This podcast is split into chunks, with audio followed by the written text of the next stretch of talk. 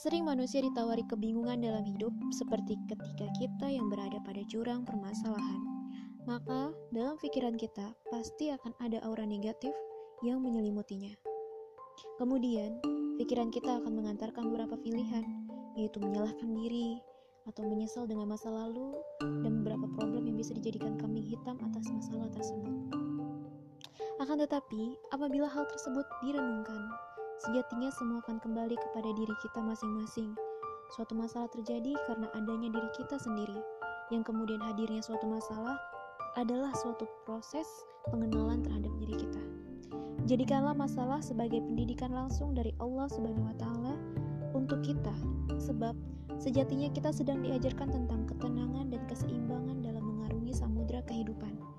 Dengan masalah tersebut, kita jadi bisa melihat siapa diri kita, dan siapa sebenarnya makhluk yang tak berdaya ini.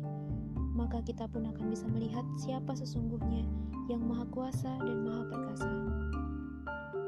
Di dalam surat Ar-Ra'd ayat 28, orang-orang yang beriman dan hati mereka menjadi tentram dengan mengingat Allah. Ingatlah, hanya dengan mengingat Allah hati menjadi tentram.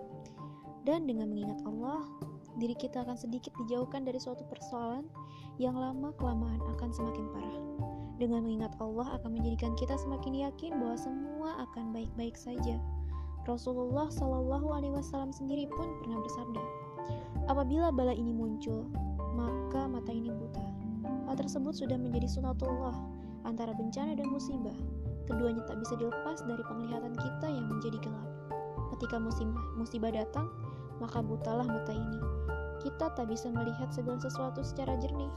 Namun, orang-orang yang memiliki keyakinan yang kuat kepada Tuhannya akan cepat-cepat mengatasi situasi tersebut. Dan semua yang kembali pada diri kita masing-masing. Ketika suatu masalah datang, maka kita juga harus cepat untuk berbenah. Yaitu yang paling mendasar ialah mengembalikan ingatan kita kepada Allah Subhanahu wa taala. Wallahu a'lam bishawab.